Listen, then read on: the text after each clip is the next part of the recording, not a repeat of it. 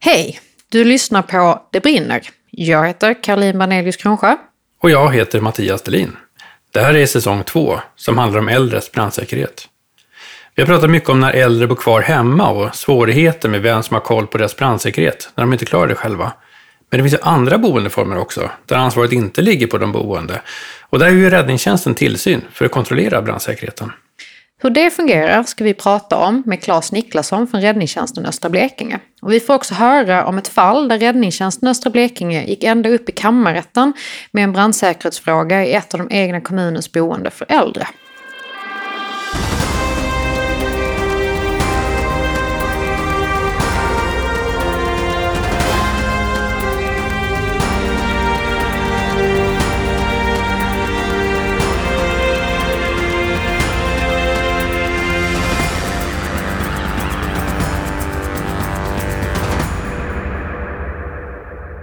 Välkommen Claes! Tack så mycket. Först av allt, vem är du? Ja, det är den stora frågan. Ja, jag har jobbat med, med räddningstjänstfrågor i ja, ungefär 30 år. Jobbat på, på räddningstjänsten här i Karlskrona-Ronneby och eh, innan dess. Så jobbade på Räddningsverket och sådär. Jobbat med både operativa räddningstjänstfrågor och nu då framförallt med, med förebyggande frågor. Mm, välkommen! Har du Claes haft eh, någon brand hemma eller tillbud? Ja, jag tänkte till, när ni frågade mig det tidigare och eh, jag kan komma ihåg faktiskt tre tillfällen när det brunnit hemma hos mig. Det är ju lite pinsamt sådär, men, men så är det. En gång eh, när jag var i tioårsåldern så eh, var jag ensam hemma och då började det brinna i tvättmaskinen. Så jag gjorde min första rökdykning där kan man säga. Det var väl, det var inte sådär jättetjock rök, men ändå. Så gick jag ner i källaren och stängde av elen. Och sen hade jag en dammsugare som, som brann. Och sen har brunnit på köksbordet någon gång också. Jag har satt salladsbesticken över, över ljusen. Så det, ja, visst, det har hänt några gånger. Mm. Men det har gått bra alla gånger? Jag har faktiskt hanterat det och det är ju det vanliga faktiskt att uh, man hanterar det själv och inte kallar på räddningstjänsten. Tre av fyra gånger så, så hanterar man det själv. Mm. Ja, vad skönt att höra.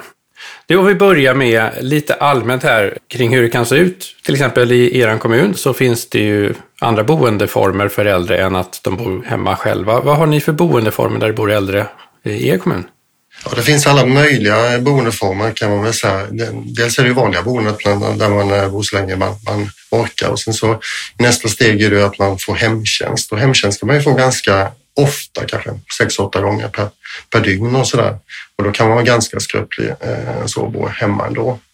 Sen har det kommit och gått lite olika eh, boendeformer. Ett tag fanns något som hette alternativt boende. Det finns ju fortfarande kvar. Kom på 90-talet. Sen finns det vad vi kallar särskilda boenden. Det är ju egentligen det mest avancerade boendet. Då. Och så finns det lite sådana här mellanlägen. Det finns ju sådana här eh, trygghetsboenden till exempel också där man anpassat lite grann eh, bostäderna men eh, framförallt är det ju en social verksamhet där man får ökat socialt stöd kan man säga. Så det är inte så mycket med brandsäkerhet att göra egentligen. Men det finns lite olika former och, och det har ju utvecklats över tiden kan man säga. För ett antal år sedan så eh, var man ju betydligt piggare när man flyttade in på ålderdomshemmet än vad man är idag när man flyttar in på, på det särskilda boendet. Så kan man ju också säga. Så det, de bitarna har också förändrats över tiden. Mm. Vilka är utmaningarna för räddningstjänsten om man har flera personer? Du, du, du nämnde till exempel trygghetsboende som framförallt är en social konstruktion. När man då samlar flera personer som har varierande förmågor, eh, vilka blir räddningstjänstens utmaningar vid en sån brand? Brandskyddet bygger ju mycket på att man ska utrymma själv och eh, bor man i lägenhet så ska man i första hand utrymma då via den e-, egna trapphuset säga, eller också stanna kvar i sin lägenhet. Men alternativet är ju då att utrymma via räddningstjänstens steg och då är ju förmågan att utrymma. Vi levererar ju stegutrustningen, men sen är ju tanken att man ska liksom kravla sig ut själv genom rutan och eh, ta sig ner. Då. Så ni, ni kommer inte in och bär ut mig, utan jag måste ta mig ut själv? Nej, det är ju precis det. Det är ganska tufft att gå in och, och eh, bära ut någon. Det är inte så det är tänkt, utan man, man ska liksom leverera en utrymningsväg till, till lägenheten. Mm. Men om man tar de här boendena som har lite, lite mer vård och där finns personal på plats och sådana saker. Vem är ansvarig för brandsäkerheten där? Ja, det är ju delat ansvar då mellan eh, ägaren då, eh, som ofta står för det byggnadstekniska brandskyddet och installation och sådär och nyttjanderättshavaren, alltså kommunen ofta, eller vårdgivaren då, som um, står för organisationen och för liksom att uh, rutiner och sånt finns på plats. Och det är ju ett samspel mellan dem där. Uh, ofta har man ju liksom en gränsdragningsöverenskommelse uh, mellan nyttjanderättshavaren och ägaren, då, vem som gör vad. Så då måste man komma överens. Men den som bor där har inte ansvar? Det är klart att man, man någonstans har man ett eget ansvar, men, men bor man på liksom en institution så, så är det ju då är det ju liksom vårdgivaren och, och fastighetsägaren som, som eh, står egentligen för det mesta av brandskyddet. Man kan liksom, om någon skulle ställa till det naturligtvis, då skulle man kunna dömas till allmän vårdslöshet eller någonting som man, man tänder på någonting eller sådär. Mm. Och det ni gör, ni gör tillsyn på sådana här anläggningar. Gör ni alltid det eller hur, hur fungerar det? Ja, det fungerar som så att eh, kommunen ska ha en tillsynsplan av räddningstjänsten. Då. Eh, där man då plockar ut vilka typer av objekt eller ja, verksamheter då man ska göra tillsyn på. Det kan ju vara skolor, äldreboenden eller samlingslokaler eller kulturbyggnader och sådär. Och sen utifrån det så skapar man en plan och eh, att man återkommande ska göra besök på, på platserna där och, och kontrollera hur branschen ser ut. Men med tanke på att, som du nämnde tidigare, det är fler och fler som bor kvar hemma. Våra förmågor är oftast betydligt sämre idag än tidigare när vi väl flyttar in på ett särskilt boende. Gör ni då inte tillsyn i bostäder? Nej, det gör vi faktiskt inte. Ehm, man har bestämt sig där, egentligen från, från statligt håll, från MSBs sida, där att tillsynsverktyget är inte egentligen till för eh, tillsyn i bostäder. Men det händer i, i vissa fall att eh, man ändå gör tillsyn på ja, om någon skulle flytta in på vinden till exempel på, på ett, i ett flerbostadshus så kan man ju då göra tillsyn där. Så det går, men vi har inte regelbunden tillsyn så att säga som eh, på ett äldreboende till exempel. Mm. Du säger regelbundet. Hur, hur ofta kommer ni tillbaks till samma ställe?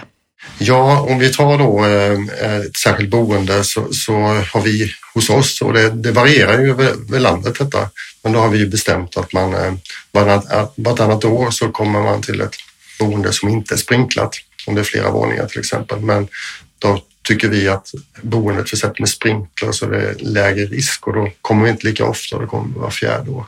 Så vi är liksom beroende på lite, har vi riskanpassat egentligen hur ofta vi, vi kommer och besöker de här boendena. Vad är det man tittar på vid en tillsyn? Ja, man tittar ju dels eh, på det byggnadstekniska brandskyddet naturligtvis. Att man sköter eh, sprinkleranläggning, det automatiska brandlarmet, utrymningsvägar och sådana saker. Ehm, att brandcellerna är, är, så täta som de ska vara och sådär. Men mycket tittar man också på att man bedriver systematiskt brandskyddsarbete, det vill säga att man, man har rutiner för att utbilda personal och att göra egenkontroller och sådana saker också. Ehm, att man har ett tänk kring detta så man upprätthåller det brandskyddet som man hade när man flyttade in kan man säga. Så att personalen har förmåga att, att hjälpa dem som bor där ute om det skulle börja brinna. Ni hade ett fall för ganska många år sedan nu, men som tog många år också att driva. Vad var det som hände där? Vad var det ni reagerade på när ni kom till det boendet? Det var ett... Eh, man bedrev ett särskilt boende kan man säga i ett eh, flerbostadshus, ett vanligt flerbostadshus. Det var, bestod av två byggnader i eh, tre, fyra våningar som man hade då byggt samman då med en, någon servicedel. Då. Och det här var som ett vanligt boende med egna lägenheter. Det fanns ett trapphus, visserligen var det lite för smalt, men sen hade man då fönsterutrymning. Så det var egentligen, man bedrev en verksamhet som inte skulle finnas där kan man väl säga. Då. Mm. Därför att brandskyddet motsvarade brandskyddet för en bostad? Ja, det var betydligt lägre nivå egentligen än vad, vad, vad som är tänkt för, för ett särskilt boende. Då. Och ehm, det största kanske, vi ställer ju många krav där, men mycket rättade man till. Men en sak som man inte rättade till där vi blev oense, det var ju detta med att det skulle finnas alternativ utrymningsväg till dörr och till ja, loftgång eller balkong. Eller, eh, sådär. Och um, då blev det en strid så att säga, i, i domstol. Hela tillsynsmekanismen eh, bygger egentligen på det att man ska driva rättsfall och det ska liksom eh, tas fram eh, prioriserande domar som sedan lägger nivån på, på vilket skydd man ska ha. Är det vanligt att det drivs, att fallen drivs så långt? Eh, nej, det är inte så vanligt att man, man driver upp i, i kammarrätten, men det, det kommer ju liksom domar eh, efterhand som man, man liksom försöker ta, ta del av. Hur ser processen ut för ett överklagande? Vilka instanser är det man passerar? Ja, eh, första instansen eh, är ju Länsstyrelsen då och i, i det här fallet så, så höll de med räddningstjänsten där och man, man eh, fastställde föreläggandet och så fick man lite längre tid på sig. Och eh, sen eh, då eh, ville då fastighetsägaren, han tyck, de tyckte att eh, man skulle vidta andra åtgärder än det som gäller föreslaget så man överklagade det till, då till, till länsrätten, idag är det förvaltningsrätten. Då. Men länsrätten då eh, hämtade in sakkunnighetsutlåtande då från Räddningsverket på den tiden. Idag är det MSB. Och eh, de kom ner med, med eh, en brandingenjör som, som granskade detta och, och kom med, med synpunkter kring detta som, som då vägde samman i, i, i länsrättens dom. Och eh, länsrätten satt då med egentligen det beslutet som räddningstjänsten eh, tog om eh, alternativa utrymningsvägar. Ehm, där fastighetsägarna hade föreslagit andra lösningar med ja, man skulle ha övertrycksventilation eh, i trapphuset till exempel. Och, ja, man hade in en brandskyddskonsult som hade föreslagit olika saker. Och sen kom Räddningsverket som, som hade en, en tredje lösning och tyckte man skulle installera sprinkler och, och dörrstängare. Då. Länsrätten blev förvirrad över alla de här förslagen då. Så man um, bestämde sig för att um, återförvisa det här. Man upphävde föreläggandet helt enkelt och ville att räddningstjänsten skulle börja på nytt och utreda de här olika förslagen. Vi kan återkomma till det, för det var ju flera delar där ni vill ha åtgärder, men då är det bara denna punkten egentligen som eh, man vill att, att räddningstjänsten skulle titta på igen och inte de andra tre delarna. Nej, precis. Så, så är det. Ja, man, man tyckte man ville titta på de olika delarna egentligen. Då. Det här med sprinkler eller övertrycksventilerat eh, eh, trapphus eller då. Eh, så, och utreda kostnader och sådana här saker och försöka då föreslå någonting nytt. Och då börjar ju processen om egentligen då med, med ett föreläggande som sen kan överklagas. Då. Vi tyckte inte att eh, det ankom på oss egentligen att, att utreda de förslagen. Vi hade ju fattat ett beslut och eh, utifrån det eh, så överklagade räddningstjänsten då till, till kammarrätten. Då. Och eh, vi hävdade då att de förslagen som Räddningsverket och fastighetsägarna hade kommit med, vi tyckte inte att de var grundade riktigt i den nivån som bygglagstiftningen hade. Så det var väl huvudargumentet och vi tyckte också att, att eh, det förslaget som vi hade kommit innebar ju att man då kunde göra en insats både inifrån eh, trapphuset och räddningstjänsten kunde även gå utifrån och, och göra en insats. Så att ehm, eh, efter några års eh, då, processande där så kom då eh, kammarrätten fram till att de tyckte att eh, räddningstjänsten hade fog för detta.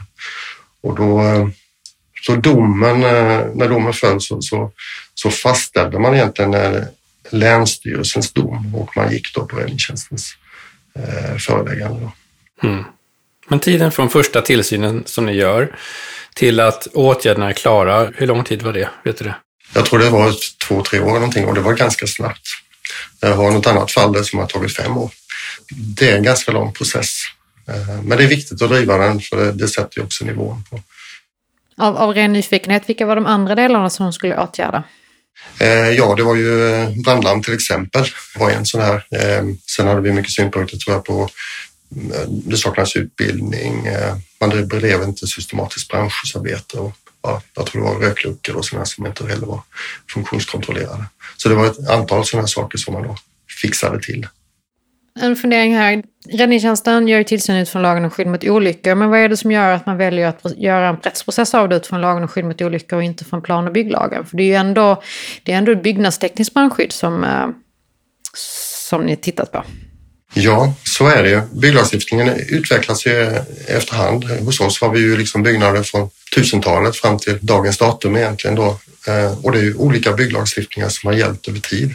Så att eh, jag tyckte, jag var lite sådär frustrerad när jag började i detta och tyckte att det här med att man ska bedöma om det är skäligt brandskydd och sådär enligt lagen om skydd mot olyckor var bara lite otydligt.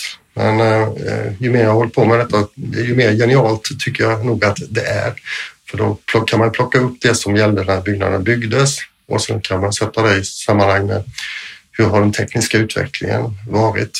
Och eh, finns det någonting annat med organisation till exempel? Så, hur det passar in eh, med de här bitarna och så gör man någon, någon skälighetsbedömning utifrån från detta.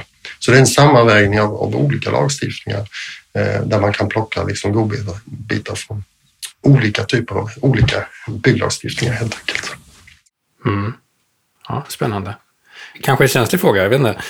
Det var ju kommunen som ägde byggnaden och som ni drev det här emot. Kändes det lite konstigt? Ja, det är så, så spelets regler är, kan man väl säga. Jo, det är klart att det kan vara känsligt och, och sådär. Och jag kan tänka mig, ju mindre kommun, desto mer känsligt kan det vara. Men um, man får försöka hålla sig ifrån det helt enkelt. Man får hålla, skilja på sak och person helt enkelt. Ja, eh, det får man försöka göra. Man kan väl säga, om vi ska avsluta det här fallet så, man byggde ju inte om detta enligt våra direktiv där, utan man, man la ner boendet och gjorde om detta till ett trygghetsboende i, i slutändan. Då. Så man tog ju bort personalen och man förflyttade då eh, de boende till särskilda boenden. Då. Så det blev liksom slut, slutkontentan av det hela. Mm. Så, eh, ja, så ungefär så, så gick det till. Hur är läget i er kommun idag tycker du på boende för äldre eller, eller andra kommuner som det är ute i också för den delen? Går utvecklingen bra? Eh, rent generellt kan man väl säga att eh, vi håller på och eh, förelägger mycket om ja, sprinkler eller i samband med större ombyggnationer så blir det sprinkler som, som installeras på, på väldigt många boenden. Eh, och det är ju en, en lång process egentligen då, att, att komma över till det. Men vid större renoveringar och sånt där, om man har chansen, så försöker man få in sprinkler i, i boendena. Ehm, och de här alternativa boendena vi har väl några kvar, men, men de försvinner också. Där man liksom försöker eh, få upp brandskyddsnivån på, på dem också. Så det blir bättre och bättre kan man säga. Om man är orolig för en anhörig som bor på den här typen av boende, om man är orolig för säkerheten, brandsäkerheten, kan man på något sätt vända sig till räddningstjänsten? Man kan alltid vända sig till räddningstjänsten och, och ehm, det är ju liksom gratis rådgivning och sådär. där. Och det, det är stor del av vårt uppdrag är också rådgivning och utbildning. Vi genomför ju väldigt mycket utbildning mot eh, eh, vårdpersonal överhuvudtaget. Men även, det förekommer även att anhöriga ringer och, och eh, har funderingar på eh, kring just deras anhöriga och så där. Så får man förklara hur, hur eh, brandskyddet är uppbyggt och, och eh, vem som har ansvar för vad och så där. Så det förekommer. Om jag kommer tillbaka till just det här med stegutrymning. Hur vanligt är det vid en brand att det blir stegutrymning? Jag menar, du har jobbat med det här ganska många år. Eh, hur, hur, ofta har du varit med om att behöva stegutrymma?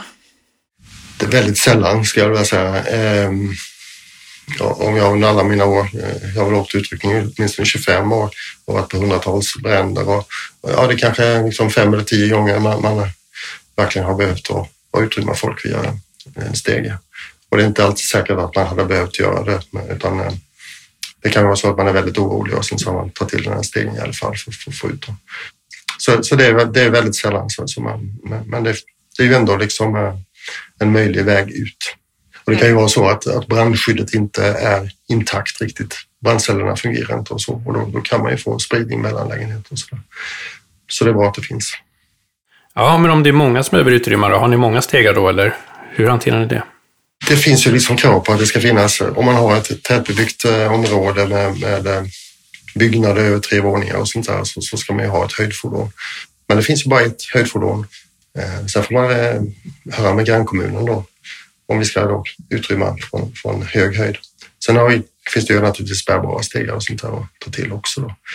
Men eh, sen ska man ju också hjälpa den som, som kommer ut. Det är inte så jättelätt om man klättrar ut på en stege och sen kanske har 11 meter ner till, till marken. Där lite svajigt och, och sånt. Eh, så man måste ha hjälp ut. Det är, inget, det är ingen eh, snabb lösning detta utan eh, man får ta det lugnt och försiktigt om man ska få ut någon. Mm. Så att två trapphus är bättre? Absolut, på ett särskilt boende är min övertygelse om att man ska ha två trappor. Mm. Ja, Claes, det här är jätteintressant. Har du något råd du vill skicka med till våra lyssnare?